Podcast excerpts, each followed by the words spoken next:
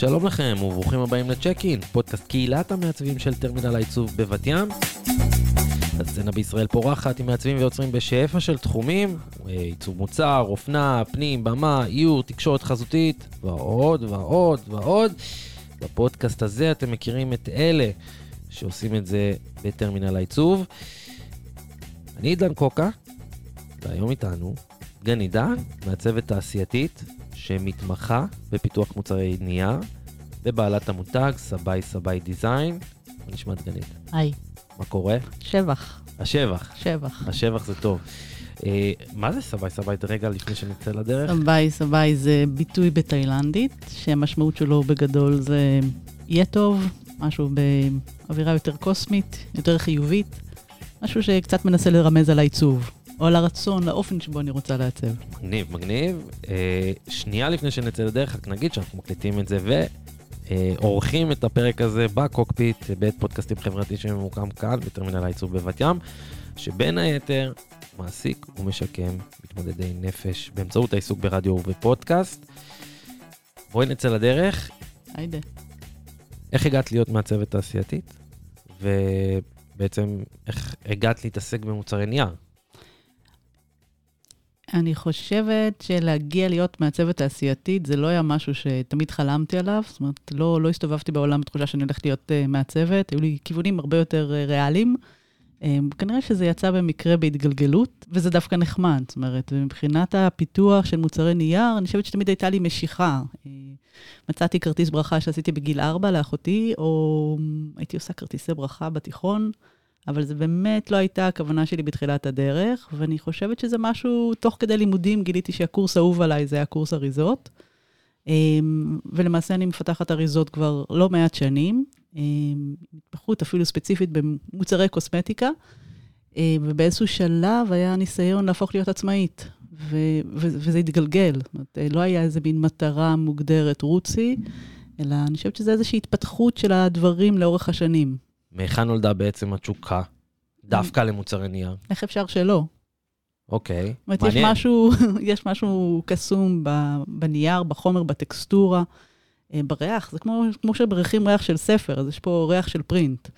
אה, אני עושה דברים שהם בעצם מאוד משולבים בין פרינט ובין פיתוח. אני כאילו קצת מסתובבת באזור הזה של אה, פיתוח אריזה, ואני בעצם לוקחת את הידע של פיתוח אריזה לפיתוח מוצרים, שהם לא בהכרח, הם, הם מוצרי צריכה, לא בהכרח מוצרים שאורזים משהו, ואני עושה לא מעט הפקות. אז אני חושבת שכל הדברים האלה מתחברים לתוך איזה עולם שיש בו המון יצירה והמון תחכום והמון... אה, בואי נדבר רגע על אה, הפקות, אמרת רגע. כן, לא מעט הפקות. מה זה אומר? הפקות זה אומר שיש כל מיני שלבים בתהליך. זאת אומרת, חלק ראשון זה בעצם לשבת ולפתח את המוצר. חלק שני זה בעצם להעמיד אותו על דף ולהפוך אותו למוצר גרפי.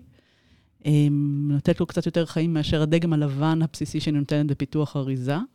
והשלב הבא הוא בעצם להוציא אותו לאור. להוציא אותו לאור, זה אומר, אה, לתת ללקוח את כל התהליך, משלב הרעיון עד שלב המוצר המוגמר. והמוצר המוגמר זה בעצם תהליך ההפקה. והחל מתהליך ההפקה, לאן אנחנו מתקדמים? זאת אומרת, את לוקחת את זה למפעלי ייצור וכן הלאה, או ש... למעשה כן, וזו הדרך שהגעתי לטרמינל. זאת אומרת, אמ, רציתי להגיע לשאלה הזאת. להגיע לשאלה לא, הזאת. בשלב יותר מאוחר, אבל את יודעת, אם נגעת בזה, אז... אז כל, כל המפגש שלי היה, דרך הטרמינל היה שנהניתי למודעה של, אה, של החממה. ובזמן המיונים הגעתי לפה ונתקלתי בלב הכתום. ומכאן בעצם התחיל, התחילה מערכת היחסים שלי עם הטרמינל. בהמשך נכנסתי לחממה, והייתי פה במהלך, במהלך התקופה, נכון. אבל עד היום אני, כל פעם שיש לי פרויקטים, אז חלק מתהליך ה... החשיבה, אני בעצם לוקחת בחשבון את הטרמינל בתור אה, שלב, את הטרמינל ואת הלב הכתום בתור שלב בעבודה. הלב הכתום זה מפעל אה, שיקום פה בטרמינל העיצוב, אה, בלי שום קשר, גם הקוקפיט, אבל גם הלב הכתום. נקרא לזה ככה, מה ההשראה שלך בכל תהליך היצירה, בכל הדבר הזה? אני חושבת שאתה מקבל מהכל השראה. זאת אומרת, זה משהו שאתה רואה, זה משהו שאתה הולך ברחוב ונתקע לך, זה, זה אובייקט שאתה רואה שאחר כך מתגלגל לך כמה זמן בראש, איזה פיצ'ר שעשית באריזה או במוצר, ואחר כך חוזר ומתגלגל כמה פרויקטים אחרי, ולא מעט זה גם עניין של פרקטי, פרקטיקה. זאת אומרת, אני צריכה משהו שיהיה לו איזה פונקציה, אז אני, אני פשוט עובדת בפיתוח, אני מציעה, משחקת עד שאני מקבלת את מה שאני רוצה. זה מעניין, הרבה מעצבים עושים את זה. זאת אומרת, הרבה מעצבים באים ואומרים, אנחנו, אה, נקרא לזה, עושים הרבה ניסוי וטעייה. איך זה בא ומשתקף למשל מול לקוח? שמגיע ללקוח עם דרישה לפתח מוצר, בתור התחלה יש לי כבר מאגר נורא גדול של דברים שכבר עשיתי. זאת אומרת, של מוצרים קיימים. של מוצ... לא רק מוצרים, גם מוצרים קיימים וגם מוצרים שאני פיתחתי קווי. בעבר. זה פשוט, אני, יש לי המון ניסיון. זאת אומרת, אני עובדת בתחום של אריזות למעלה מ-15 שנה. וואו. מרשים. אז נדבר על הגיל. אולי היינו צריכים, אולי היינו צריכים לפתוח עם זה. אה, אפשר היה לפ- לפתוח בזה, אבל זאת אומרת, זה, זה דברים שפשוט כל הזמן רצים במקביל, ואחד משפיע על השני, כי מה שאני יודעת באריזות עובר למוצרי נייר. העובדה שאני עושה את זה, וחיה בבתי דפוס, שזה גן משחקים מטורף, מאפשר לי בעצם להגיע למצב שאני יודעת לעשות הפקות, וגם יודעת לשלב בין היכולת שלי כמעצבת, והיכולת שלי כמפיקה, וההבנה שיש לי באיך הדברים נעשים באמת. זאת אומרת, זה איזה מין קומבינציה שהיא דווקא משחקת לטובתי. ואז בעצם לקוח בא אלייך, ובגלל שיש לך את כל עולם הידע העשיר בתחום, אז את כבר יודעת יחסית לזהות מה יתאים לו, ועל פי עוד... אני יודעת לזהות מה הצרכים של הלקוח, איך אפשר להגיע לשם הכי מהר. אני יודעת גם הרבה פעמים מה יכול להתאים ומה לא יתאים. זאת אומרת, זה על יכול... פי המוצר שהוא רוצה לשים על באריזה. פי המוצר, יש התאמה, יש, יש המון שיקולים בפיתוח של האריזה, יש עניין של משקל, יש עניין של מה, מה אורח החיים של המוצר, איפה הוא הולך לשבת.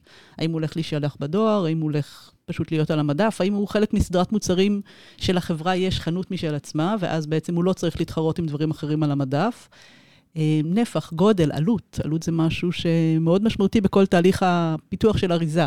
אם בסוף הדרך אנחנו נעשה משהו שלחלוטין לא מותאם לצרכים של הלקוח, או מעמיס המון על המחיר של המוצר, זה הופך להיות לא רלוונטי.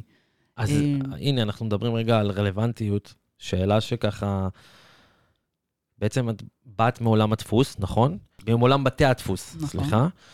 אה, ואז עברת אה, לעיצוב... אה, במקביל. במקביל, סליחה. נכון, זה אף פעם. לא נגמר. זה אף פעם לא נגמר, צודקת.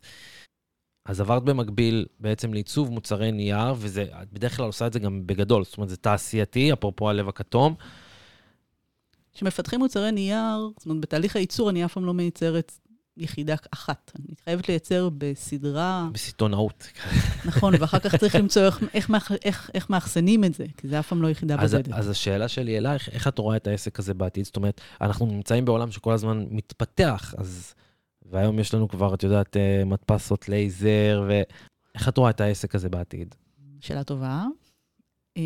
בעיקר אני רוצה להמשיך לעשות את מה שאני אוהבת. זאת אומרת, יש משהו מאוד מאתגר ב, בלמצוא, בלמצוא פיצ'רים חדשים, או להצליח להגיע, זאת אומרת, זה, זה, יש, יש המון דברים חדשים. זאת אומרת, יש אה, אפשרות להדפסה דיגיטלית שלא הייתה בעבר, יש היום אפשרות לחיתוך לייזר, שמחליף בעצם את כל מערכת המבלטים והשטנצים, אבל תמיד עדיין יש חידושים.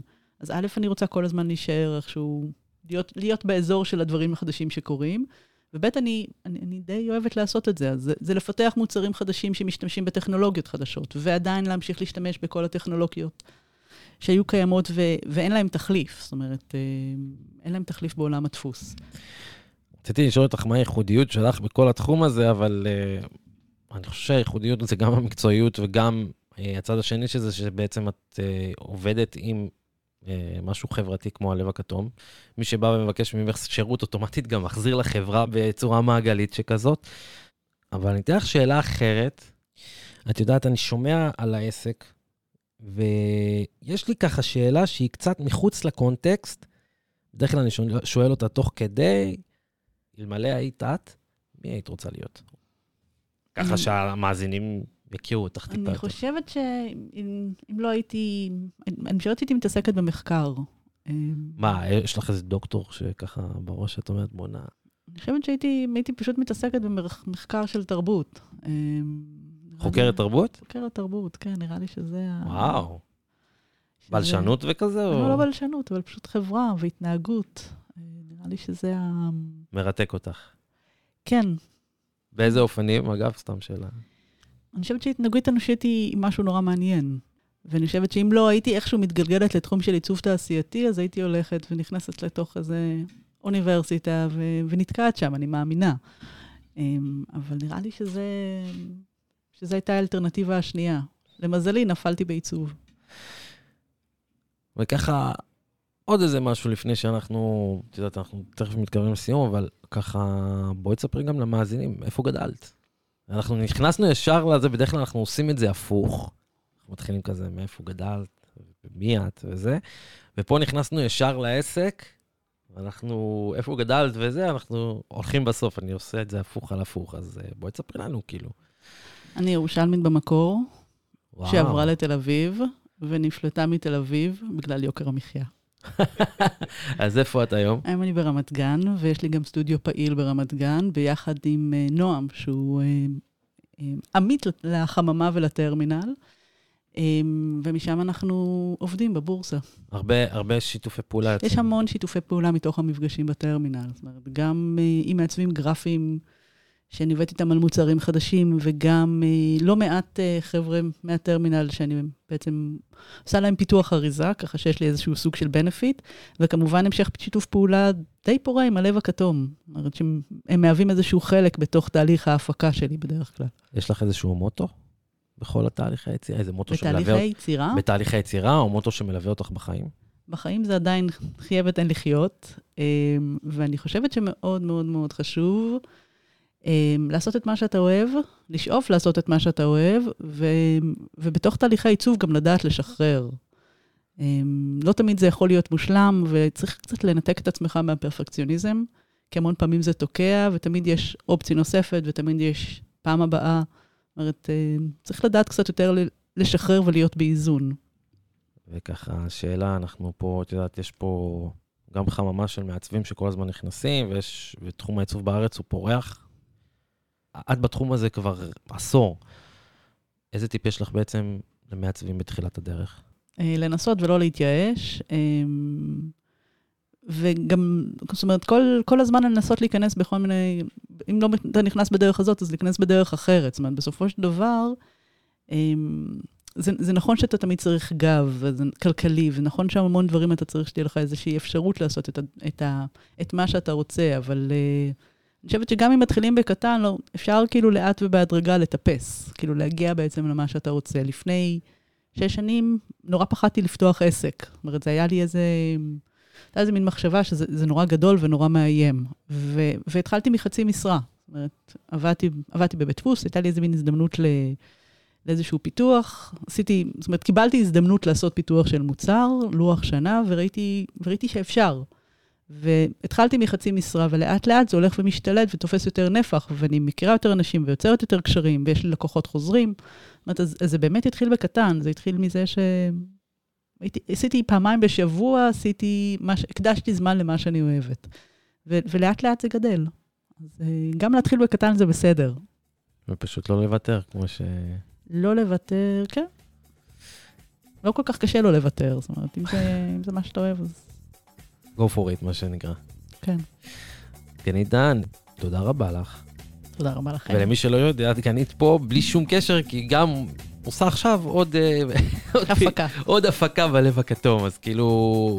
זה פשוט מדהים לראות את התהליך, מהצד אני אומר, זה פשוט מדהים לראות את התהליכים האלה. דגנית פה פעם בכמה חודשים מגיעה, ויש לה כל פעם עוד הפקה ועוד הפקה שהיא מביאה. אז אה, שווה לכם גם לקחת חלק בזה. הפרטים ליצירת קשר עם דגנית יופיעו בתיאור הפרק, גם עמוד האינסטגרם, גם אה, אתר האינטרנט של אה, סביי סביי. זהו זה, עד כאן פרק נוסף של צ'ק אין, פרקים נוספים עם עוד מעצבות ומעצבים שהם חלק מקהילת המעצבים של טרמינל העיצוב בבת ים, זמינים לכם בכל אפליקציות ההאזנה, אתם כמובן מוזמנים להאזין גם לפרקים איתם. אנחנו נתראה בפרק הבא, ביי ביי. Bye.